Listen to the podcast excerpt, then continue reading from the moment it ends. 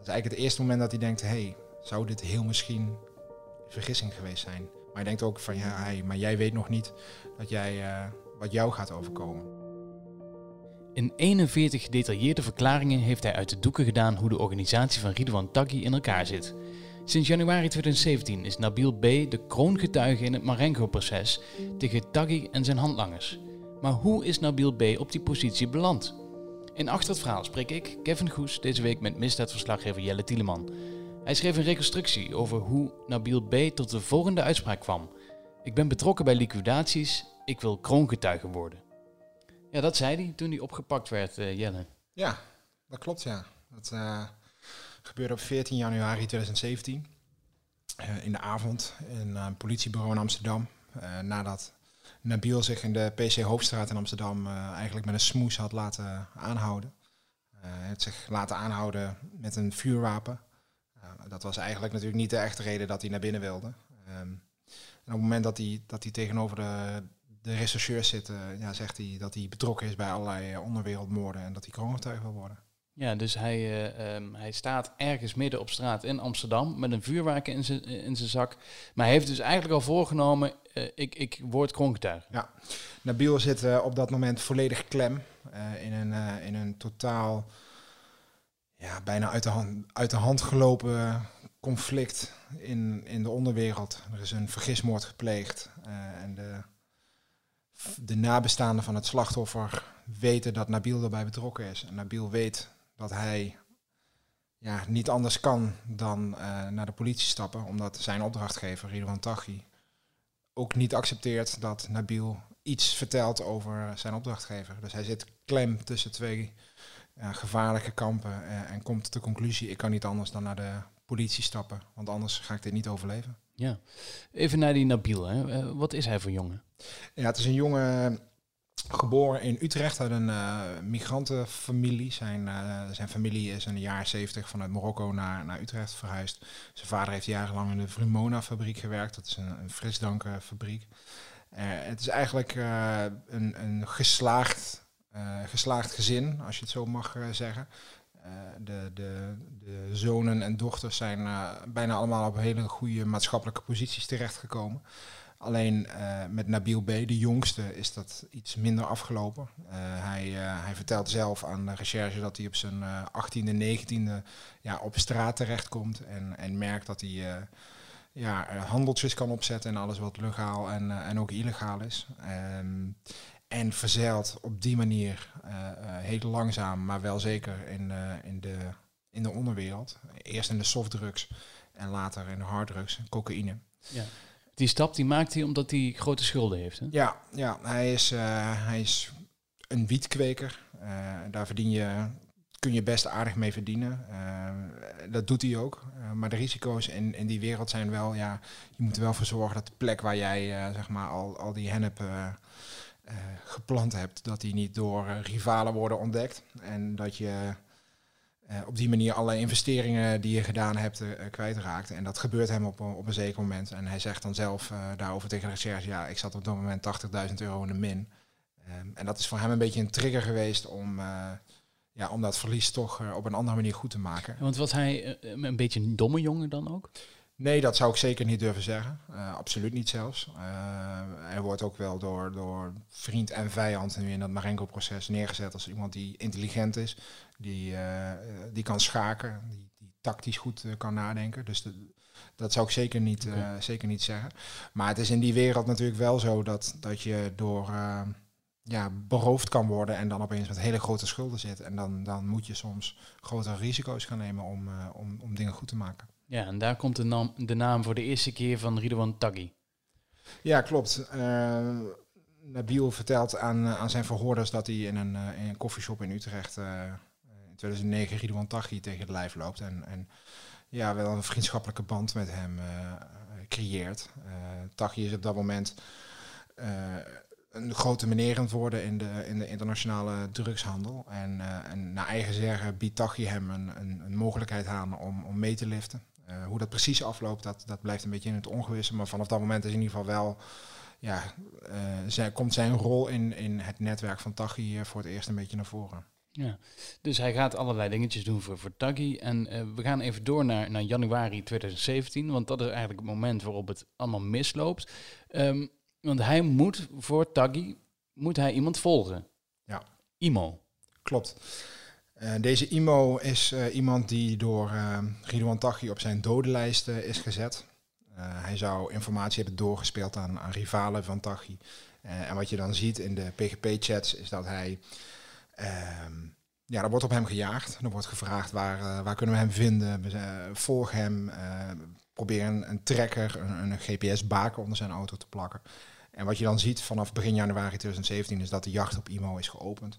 Dat ook verschillende pogingen worden gedaan om hem daadwerkelijk om het leven te brengen. Maar dat hij steeds net ja, uh, als. Uh, Hij had echt een Engelse op, op zijn schouder. Ja, dat is letterlijk wat een van de verdachten aan een andere verdachte stuurt. Van hij heeft echt een engeltje op zijn schouder. Um, en Nabil is degene die ook wordt ingezet om hem te volgen.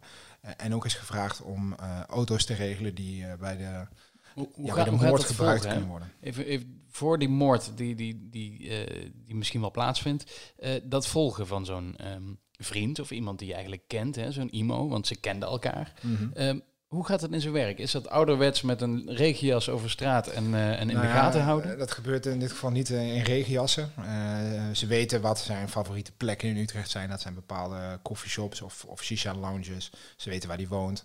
En wat ze dan doen is simpelweg uh, achter hem aanrijden.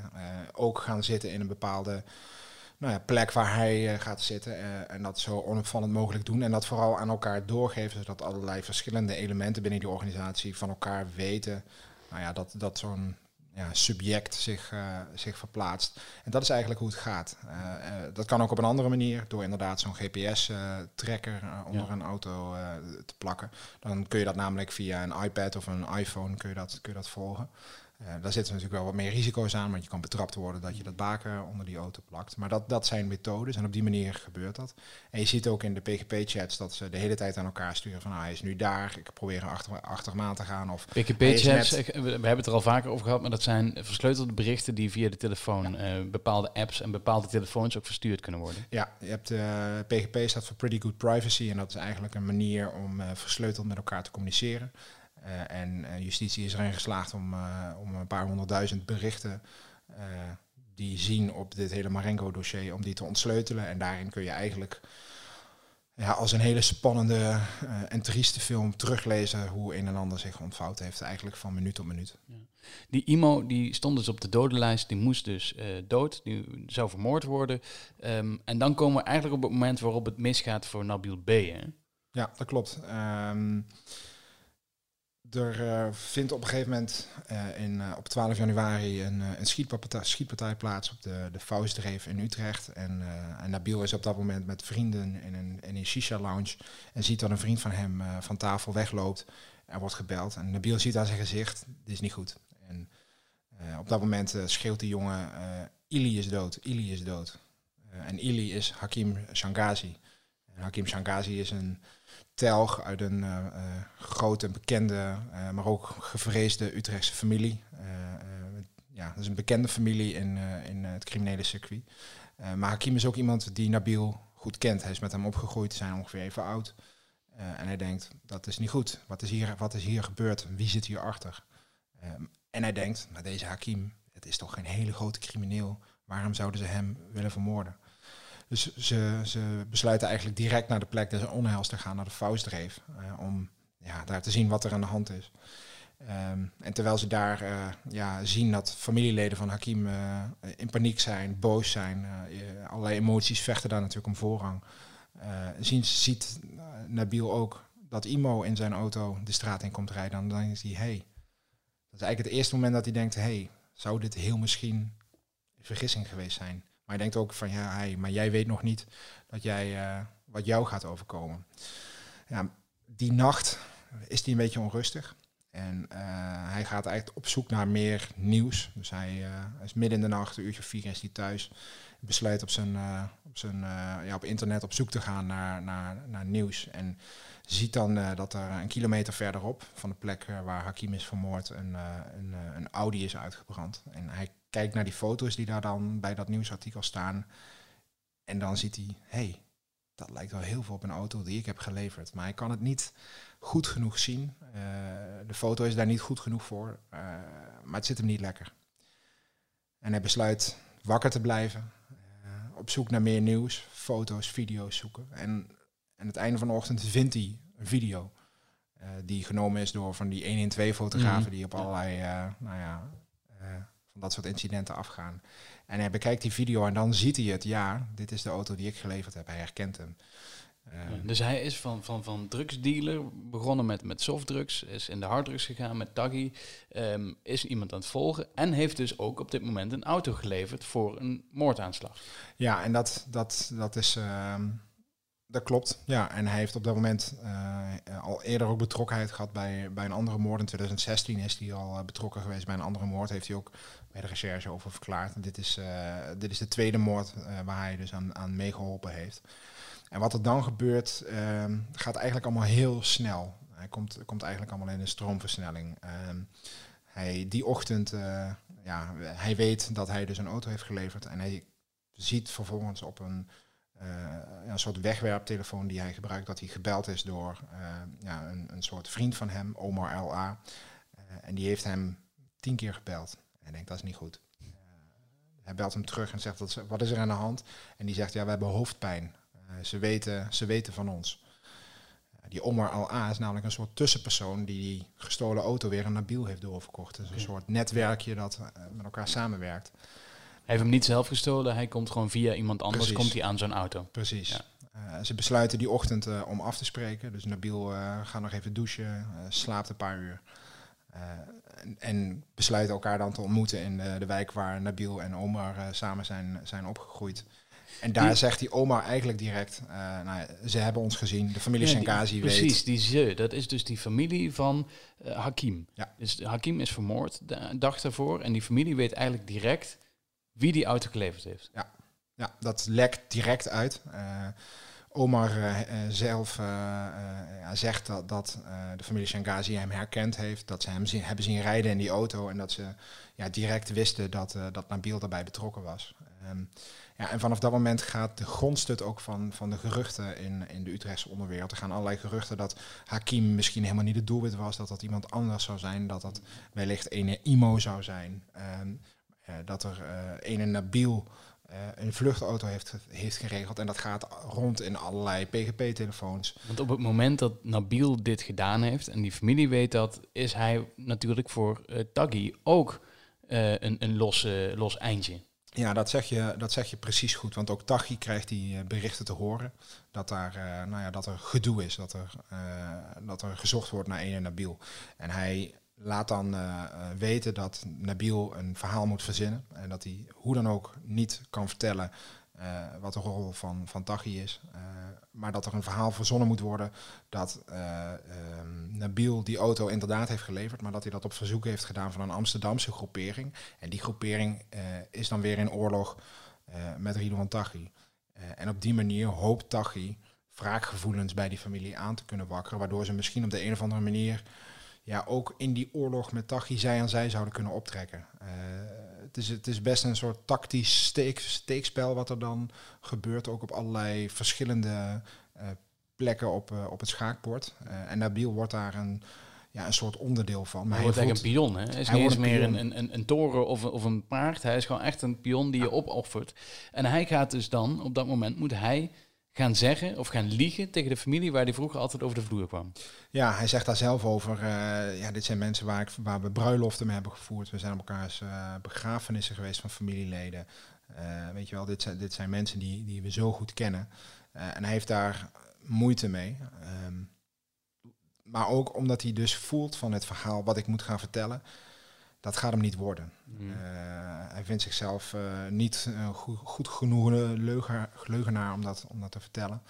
Um, samen met zijn vriend Mohammed Razouki doet hij toch een poging. Is het broertje van Said. Razouki. Ja, ja, en dat is de, de beste vriend van, van Nabil. En ze besluiten om een, een verhaal in elkaar te steken dat nou ja, gedetailleerd is en, en goed onderbouwd is en waarmee Nabil een poging zou kunnen wagen. Nou, hij gaat naar die familie toe, uh, gaat met ze praten, maar hij voelt eigenlijk meteen, ik word niet geloofd. Ik word niet geloofd. En die avond al voelt hij, dit gaat hem niet worden. Ik heb ze dit verteld, maar hij stuurt ook een PGP-berichten aan, aan Mohammed van ja, ze, ze geloofden me niet. Ze waren heel sceptisch. Dit, uh, dit gaat niet goed aflopen. Ehm, een dag later, en het is dan inmiddels uh, zaterdag de 14e, ja, probeert hij het nog eens, maar hij voelt aan alles, dit gaat hem, dit gaat hem niet worden. Ehm, ook omdat hij steeds meer het idee krijgt, ehm, als de familie Shangazi mij niet iets gaat aandoen, dan is het Ridwan Taghi wel. Hij wil geen losse eindjes. Mhm. En hij voelt zich eigenlijk steeds meer opgevreten worden tussen twee kampen. Ehm, en besluit dan dat het, ja, het spel over is. En uh, dat er eigenlijk maar één manier is om hier aan te kunnen ontsnappen. En, en dat is ja, de stap wagen naar politie en justitie en volledige openheid te maar geven. Maar eerst doet hij nog iets anders, want hij zegt tegen die familie, zegt hij nog dat het een opdracht was van Taghi, toch? Ja, hij heeft, hij heeft nog één ontmoeting met de familie Shangazi. Ehm, bij een Shell tankstation in Breukelen. En daar uh, vertelt hij dat hij uh, ja, wat zijn rol is. En, en, dat hij, uh, en dat dit een moord was in opdracht van Ridwan Taghi. Ehm, en dat is ook iets wat nog diezelfde avond uitlekt. Nabil heeft daar zelf over gezegd dat hij niet anders kon dan die familie die boodschap meegeven. Omdat hij vond dat hij dat aan hen verschuldigd was. Um, maar dat is wel waardoor, de, ja, waardoor Ridwan Taghi eigenlijk en die hele organisa organisatie direct ja, weet van Nabil heeft zich wel laten aanhouden Mhm. met een wapen. Maar waarschijnlijk is er meer aan de hand. Hadden ze toen al verwacht dat hij de kroongetuige zou zijn? Ze zijn er wel bang voor geweest. En wat je ook merkt is dat er heel veel onrust is. Dat, dat, um, dat er ook mensen bellen naar de advocaat van Nabil en vragen wat is er aan de hand. Ze zijn heel sceptisch. Um, en dat gonst dan van de, van de geruchten. Wat er ook nog gebeurt die dag is dat er een, uh, een nieuwe ploeg klaar staat om, om IMO om het leven te brengen. Uh, IMO heeft dat door, belt de politie uh, en die, die, ja, die schutters die, die moeten vluchten en lopen uiteindelijk tegen de lamp naar een, naar een flinke achtervolging over de Mm. snelweg en worden aangehouden. Um, en dat krijgt Taghi dan ook nog te horen. dus het is, het is een hele nare dag geweest voor, voor iedereen. En vooral voor Ridouan Taghi. Voor iedereen. Ja. Um, we hebben het natuurlijk al vaker gehad over wat dit nou betekende. Dat hij uh, kroongetuige is geworden. Wat daarna allemaal gebeurd is met zijn broer die, uh, die omgelegd is als, als, uh, ja, als wraak. De advocaat, daarna de anonieme advocaat die gekomen is. Nu het verhaal met Peter Schouten als, als nieuwe advocaat van Nabil B. Maar waar we het misschien nog nooit over gehad hebben, daar wil ik heel even nog over, over hebben. Hoe belangrijk is zo'n kroongetuige nou voor justitie? Ja, in dit geval wel heel uh, belangrijk, omdat in dit milieu, uh, in die keiharde cocaïne-maffia met, met ja, verschillende moorden die heel moeilijk op te lossen waren, uh, was er niemand die, uh, die daar van binnenuit over kon vertellen. Uh, Taghi voelde zich onaantastbaar, uh, opereerde vanuit het buitenland, was niet in Nederland dus en, en liet hier eigenlijk de oorlogen uitvoeren en deed dat op afstand met zijn PGP-telefoon. Um, en dat was dus voor, voor politie en justitie bijna onmogelijk om, om daar een eind aan te breien, om daar ja, te infiltreren of door te dringen of daar een eind aan te maken. Uh, en met deze kroongetuige is dat wel gelukt. Hij heeft van binnenuit verteld hoe zo'n organisatie werkt, wie aan de touwtjes trekt, uh, hoe, hoe de structuur in elkaar zit, hoe de hiërarchie werkt. Uh, en dat in combinatie met uh, ja, de, de honderdduizenden PGP-berichten die er dus zijn ontsleuteld. En ook, want ook daarin geeft ze elkaar natuurlijk bijnamen, maar hij kan vertellen dat wie bepaalde bijnamen heeft, hoe bepaalde mensen de stijl van communiceren. Um, dat is allemaal heel belangrijk geweest. Ja. En als je dat beeld bij elkaar legt en, en je ziet dat ja, verklaringen die hij heeft afgelegd nog voordat die PGP-berichten er waren en dan worden die PGP-berichten ontsleuteld en dat blijkt dan te kloppen. Dat is natuurlijk een ijzersterke combinatie. Een hele be sterke bewijsconstructie. Um, en dat, dat, dat maakt dat die kroongetuige heel erg belangrijk is. Heeft die verklaringen natuurlijk allemaal al, uh, al afgelegd. Hè? Hoe gaat het nou met hem verder? Nou, hij legt nog steeds verklaringen af, want het is natuurlijk zo dat uh, uh, de er worden allerlei mensen nog steeds verhoord. En hij wordt ook weer over bepaalde dingen gevraagd. En bepaalde onderzoeken liggen nog steeds open. Dus hij, legt nog, hij wordt nog steeds ja, bevraagd. Ehm, bovendien is het zo dat ook de verdediging, dus de advocaten van, van, van zijn medeverdachten, de kans krijgen om, om hem te bevragen.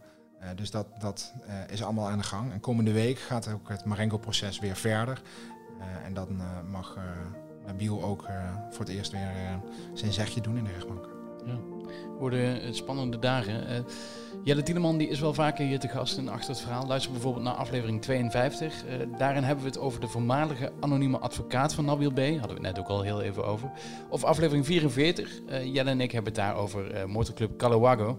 Al deze afleveringen van Achter het Verhaal zijn te vinden op Spotify, Apple Podcast en andere podcast apps. Dankjewel Jelle. Graag gedaan. Voor deze week. En volgende week zijn we er weer. Dan hoor je in deze podcast alles over kickboksen.